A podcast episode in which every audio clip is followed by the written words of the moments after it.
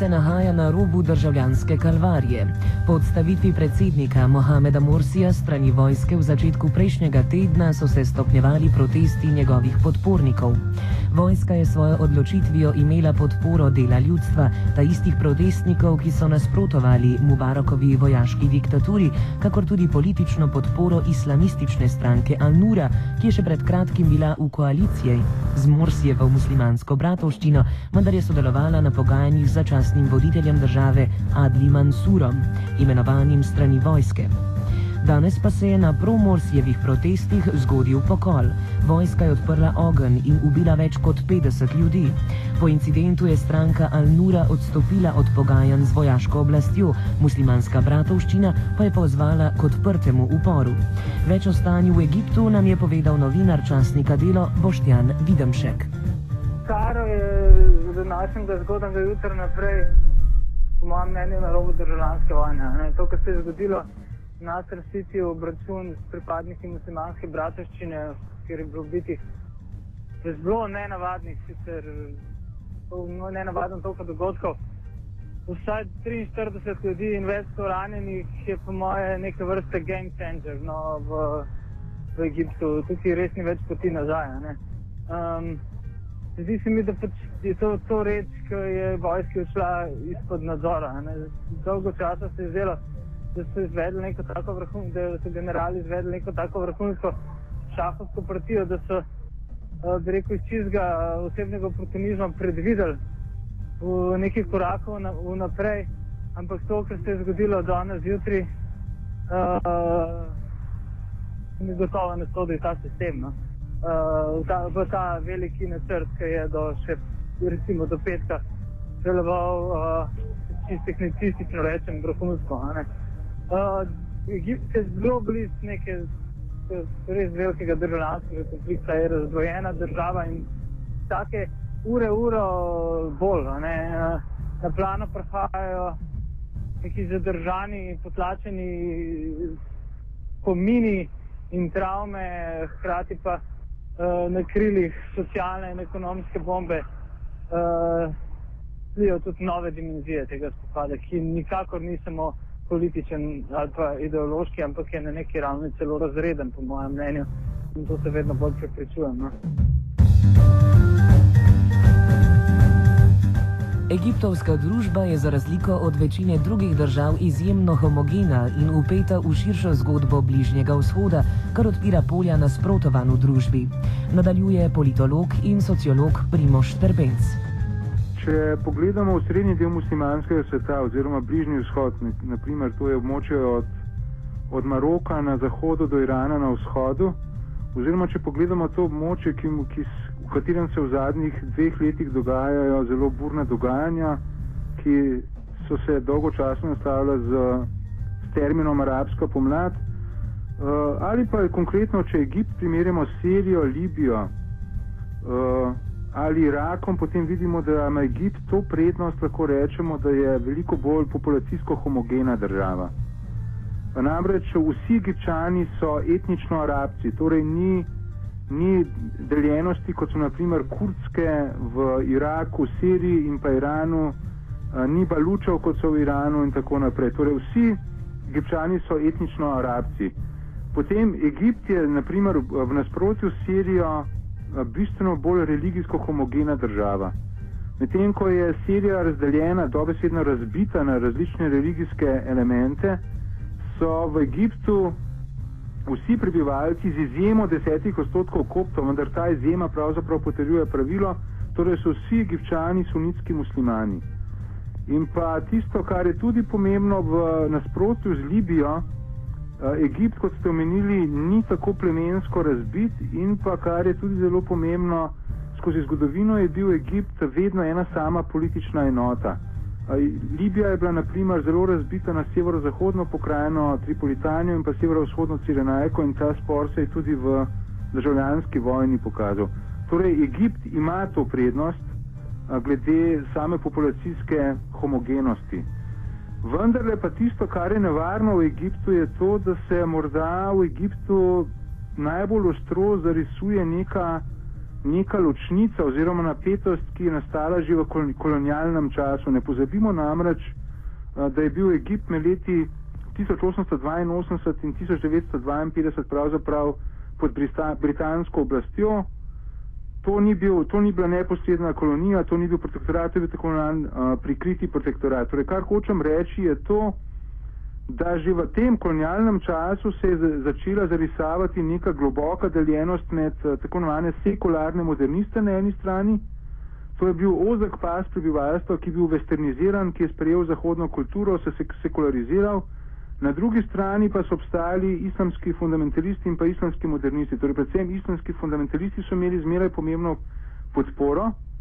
Lahko pa rečemo, da od leta 1952, ko je Egipt dobil neodvisnost, so vsi vojaško vodeni režimi sledili politiki sekularizma, to je zrinjanja islama oziroma religije iz javnega področja in posledično se je ta blok, blok sekularnih modernistov, bi jaz rekel, kar precej okrepil.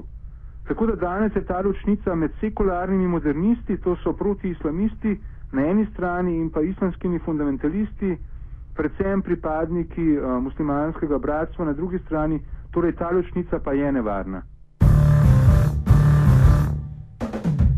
Obenem Štrbenc poudarja, da je egipčanska vojska že od časa britanskega kolonializma dominantna sila vojska, kakršna koli že je, je vse od kolonialnega obdobja dominantna sila. Uh, kolonialna oblast, uh, kolonialna država, to so Britanci, so te vojaške sile organizirali po letu 1882 in sicer so jih organizirali tako, da so služile kolonialni državi. Vzgojili so to vojsko v prepričanju, da vojska najbolje ve, kaj je dobro za družbo, veliko bolj kot so kot civilni politiki. Pomembno pa je tudi to, da je britanska kolonialna država uveljavljala, kot mislim, da sem že omenil, politiko sekularizma. Ta pojem sekularizem moramo ločevati od pojma sekularizacija. Najprej sekularizem pomeni uh, neko zavestno delovanje proti religiji javnem, na javnem področju oziroma zavestno sovražno delovanje proti religiji na javnem področju, izrinjanje religije oziroma islama iz javnega področja. In jaz mislim, da vojska kot celovita institucija in pa kot neka zelo tipična ostalina kolonialne države je tudi ponotranila to, to sekularistično politiko. Da vendar v načelu, sicer je res, da so tudi egipčanski predsedniki, ki so izhajali iz vojaških vrst, kot naprimer Anwar al-Sadat je to zelo, zelo močno delal, pa tudi Hosni Mubarak do neke mere, ampak predvsem Sadat, da so se znali v nekih trenutkih politično pragmatično naslanjati na islam in razglašati naprimer Sadat, da je islam uh, izvor oziroma vir vsega, vse egipčanske zakonodaje oziroma da je šarija islamsko pravo vir vse zakonodaje. Ob četrti arabsko-izraelske vojske se je Sadat skliceval na to, da egipčansko vojsko v boju proti Izraelu vodi islam in tako naprej. Ampak to je bilo vendarle, to so bila neka pragmatična fasada v bistvu je egipčanska vojska ostajala neka, bi jaz rekel, institucija, ki vendarle sledi nekemu imperativu sekularizma in ki želi v javni sferi ohraniti nek, nek nereligijski sekularni karakter. Tako da v tem smislu je ta vojska še vedno torej po prepričanju nekako bliže zahodnim akterjem oziroma, oziroma nekemu standardnemu zahodnemu načinu razmišljanja. Pri trenutni situaciji oziroma sporu med muslimansko bratovščino, ki je podprla odstavitev Mursija, po današnjem incidentu pa mora podpreti svoje muslimanske bratje, brate, vidi Videmšek tudi razkol znotraj islamistov. To je notranji spopad znotraj političnega islama ne? in hkrati tudi spopad znotraj uh, sunitskih sil zalivskih za, za prestiž in vpliv v regiji. To je dejansko to, kar se v Egiptu dogaja v odnosu med muslimanske bratovščine, stranke Al-Nur, to arabsko pomeni svetloba, je v bistvu odsev z uh, sicer ne javno, ampak totalno zaostrenih odnosov med Rijadom in Katarjem, Metalsko Arabijo in uh, med Rijadom in Dohom, Metalsko Arabijo in Katarjem, uh, ki so usporedno financirali že v času predvoljene kampanje različne islamistične skupine uh, praktično pokupile del egipskih in nadzorujejo, so nadzorovali do zdaj del egiptovskih medijev, zdaj pa praktično poskušajo um, preliti podporo strani muslimanske bratovščine, ki si bo težko pomogla v teh udarcev uh, uh, v stranko Al-Nur, ki pa si preprosto ne more dovolj potem pokolu svojih brehov islamističnih bratov danes zjutraj, uh, da bi se ustrajala v tej gigantski nenačelni koaliciji, ki je bila naprej obsojena, da ne preživi. Z dotičnim se strinja tudi Primoš Trbenc, ki je orisal tudi širši razkol v muslimanskem svetu med suniti in šiiti. Na eni strani imamo muslimansko bratovščino, ki na zadnjih volitvah za spodnji dom egiptovskega parlamenta dobila 50% glasov, imamo pa tudi salafiste, ki so zbrani v stranki Al-Nur, ki so dobili 25% glasov. Torej, ja, ta ločnica je pomembna in zdi se mi, da postaja zmeraj bolj pomembna. Uh, to je dejansko res, da tisto, kar je presenečenje v, zadnjih, v zadnjem dogajanju, je to, da, da ni neke solidarnosti oziroma enotnosti v samem islamističnem taboru, da salafisti Al-Nura so v bistvu podprli ta vojaški, vojaški prevzem oblasti in ga še vedno podpirajo, kar pomeni, da se njihova politika precej razlikuje od politike muslimanskega bratstva. Jaz pa mislim, da moramo te razlike brati v širšem kontekstu. Jaz mislim, da te moramo celo v to enačbo vključiti Iran. Namreč salafisti, stranka Al-Nur, ima slejko prej tisto vitalno podporo uh, sunitsko dominiranih zalivskih držav, kot so Saudska Arabija, Združeni Arabski Emirati in pa Katar. Torej, in te salafisti torej, vodijo podobno politiko, kot, kot jo vodijo te zalivske države. Te zalivske države pa so podprle vojaško posredovanje in se obrnile pravzaprav proti muslimanskemu bratstvu. Ko se sprašujemo, kaj je v zadje, lahko vsekakor povemo, da, da se v tem trenutku, torej vsaj v zadnjih dveh letih ali pa celo več bi rekel, se tisto, kar je najpomembnejše za te zalivske države, sunitsko dominirane, je sunitsko-šiitski konflikt. Povedano drugače, kot največjo nevarnost vidijo te Saudska Arabija, Katar in Združeni Arabski Emirati, uh, vidijo v šiitskem Iranu. In v šiitskem pol mesecu, ki se je oblikoval po ameriškem napadu na Irak leta 2003 in je segal od Irana preko uh, Iraka, Sirije pa do južnega Libanona. Kar hočem reči je to, da da je treba vedeti, da se je muslimanska bratovščina oziroma njen predsednik Mohamed Mursi se je v zadnjem času začel politično odpirati nasproti Iranu. In ker se je odpiral proti Iranu, sta Saudska Arabija in pa Združeni Arabski Emirati zelo jasno pokazali svoje nezadovoljstvo in naprimer nista hoteli dajati finančne pomoči temu uh, egiptovskemu režimu, ki so ga vsaj formalno vodili muslimanski bratje. Torej, zdaj vidimo neko situacijo, ko so na eni strani muslimanski bratje, ki so se vendarle odpirali proti Iranu, na drugi strani pa imamo v Egiptu dominantno vojsko, ki je zelo tesno povezana z uh, ameriško vojsko oziroma Združenimi državami Amerike, ki ima podporo tudi ameriških zaveznikov v zalivu Saudske Arabije, Katarja in pa Združenih Arabskih Emiratov. Tisto, kar pa druži te akterje, torej, kar se mi zdi, da je pomemben uh, unifikacijski oziroma združevalni dejavnik pa je ta, uh, torej je odpor proti Iranu. Jaz mislim, da je ta, da vse, kar se dogaja, moramo razumeti v širšem kontekstu uh, politike do Irana. Egipčanska vojska ima sicer velikega sponzorja v Čezlužju oziroma Združenih državah Amerike. Nadaljuje Boštjan Videmšek. To, to je zelo težko reči. Mislim, jaz se poskušam izogibati tem, ko bi rekel, eurolevičarskim klišejem vse splošni ameriški krivdi. To je preprosto preveč simpel, da bi uh, zdržalo vedno in posod. Uh, to je res črno-bela logika. Mislim, da je uh, vse skupaj, kar se dogaja, precej bolj kompleksno. Uh, gotovo je, da uh, egiptovska vojska je praktično v celoti finančno odvisna uh, od združenih držav, 1,3 milijarde dolarjev letne pomoči, hkrati pa se nadzorujejo velik del tukajšnjega BDP-ja.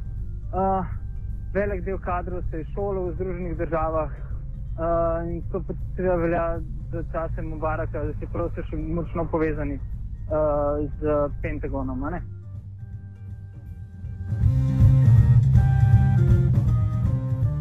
Prepletenih je pre, preveč interesov, da je bilo mogoče s prstom uh, kazati samo v eno smer. Ne. Glavna krivda Amerike v tej zgodbi je, da ni pravočasno podprla sekularnih protestnikov in jim nekako pomagala, po mojem mnenju, k, um, tudi preko nevladnih organizacij, čeprav se temu reče izvoz demokracije, ne, um, pri krepljenju neke politične, skupne politične sile in posledično participacije pred uh, prvimi parlamentarnimi volitvami novembra 2011. Od takrat naprej, ko je rekel muslimanska bratovščina s demokratičnimi sredstvi utrdila nedemokratično vladavino v Egiptu in dobila od, po, po glavi od vojske v zadnjih dneh uh, še ene nedemokratične sile, uh, je država šla, ko bi rekel, um, nepovratno kot samo. Kljub sekularni vojaški sili pa je muslimanska identiteta egipčanov najmočnejša, nadaljuje Primoš Trbenc. Jaz mislim, da zaradi več razlogov ima muslimanska bratovščina neko naravno zaledje v, v temu rečemo prebivalstvu, ki se vendarle čuti najprej muslimane. Prvič, islam je, je uh, inherentno bistveni del egipčanske kulture. Drugič, kar je verjetno najbolj pomembno, večina egipčanskega prebivalstva je kljub vsemu izjemno revna. Sociološke raziskave pa kažejo, da ljudje, ki nimajo osnovne socialne zaščite, se veliko bolj obračajo proti Bogu.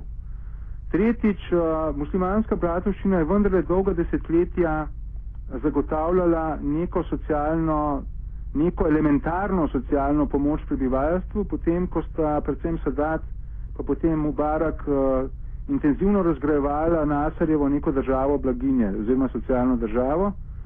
In pa ne na zadnje, ker se egipčansko prebivalstvo vendarle zaveda, kakšen velik vpliv imajo ZDA na egipčansko vojsko in pa ker čuti vse Egipt nek neoliberalni pritisk mednarodnega denarnega sklada, je po mojem mnenju islam že predvsej nazaj začel postajati nek instrument za nacionalistični odpor proti Zahodu.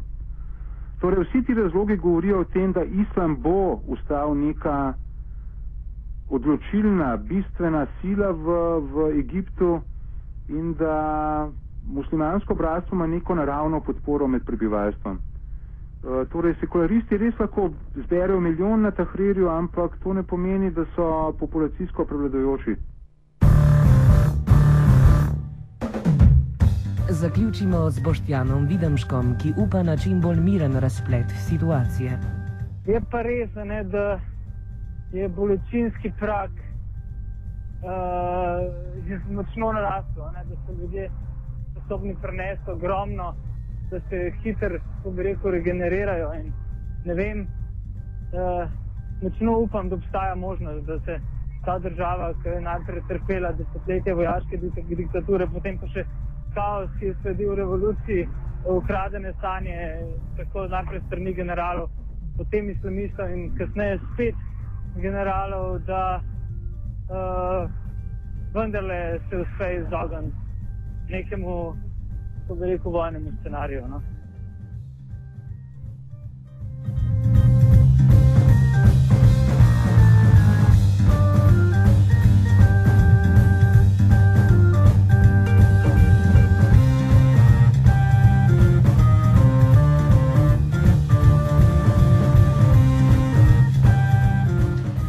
Offside je pripravil Anže Kožuh.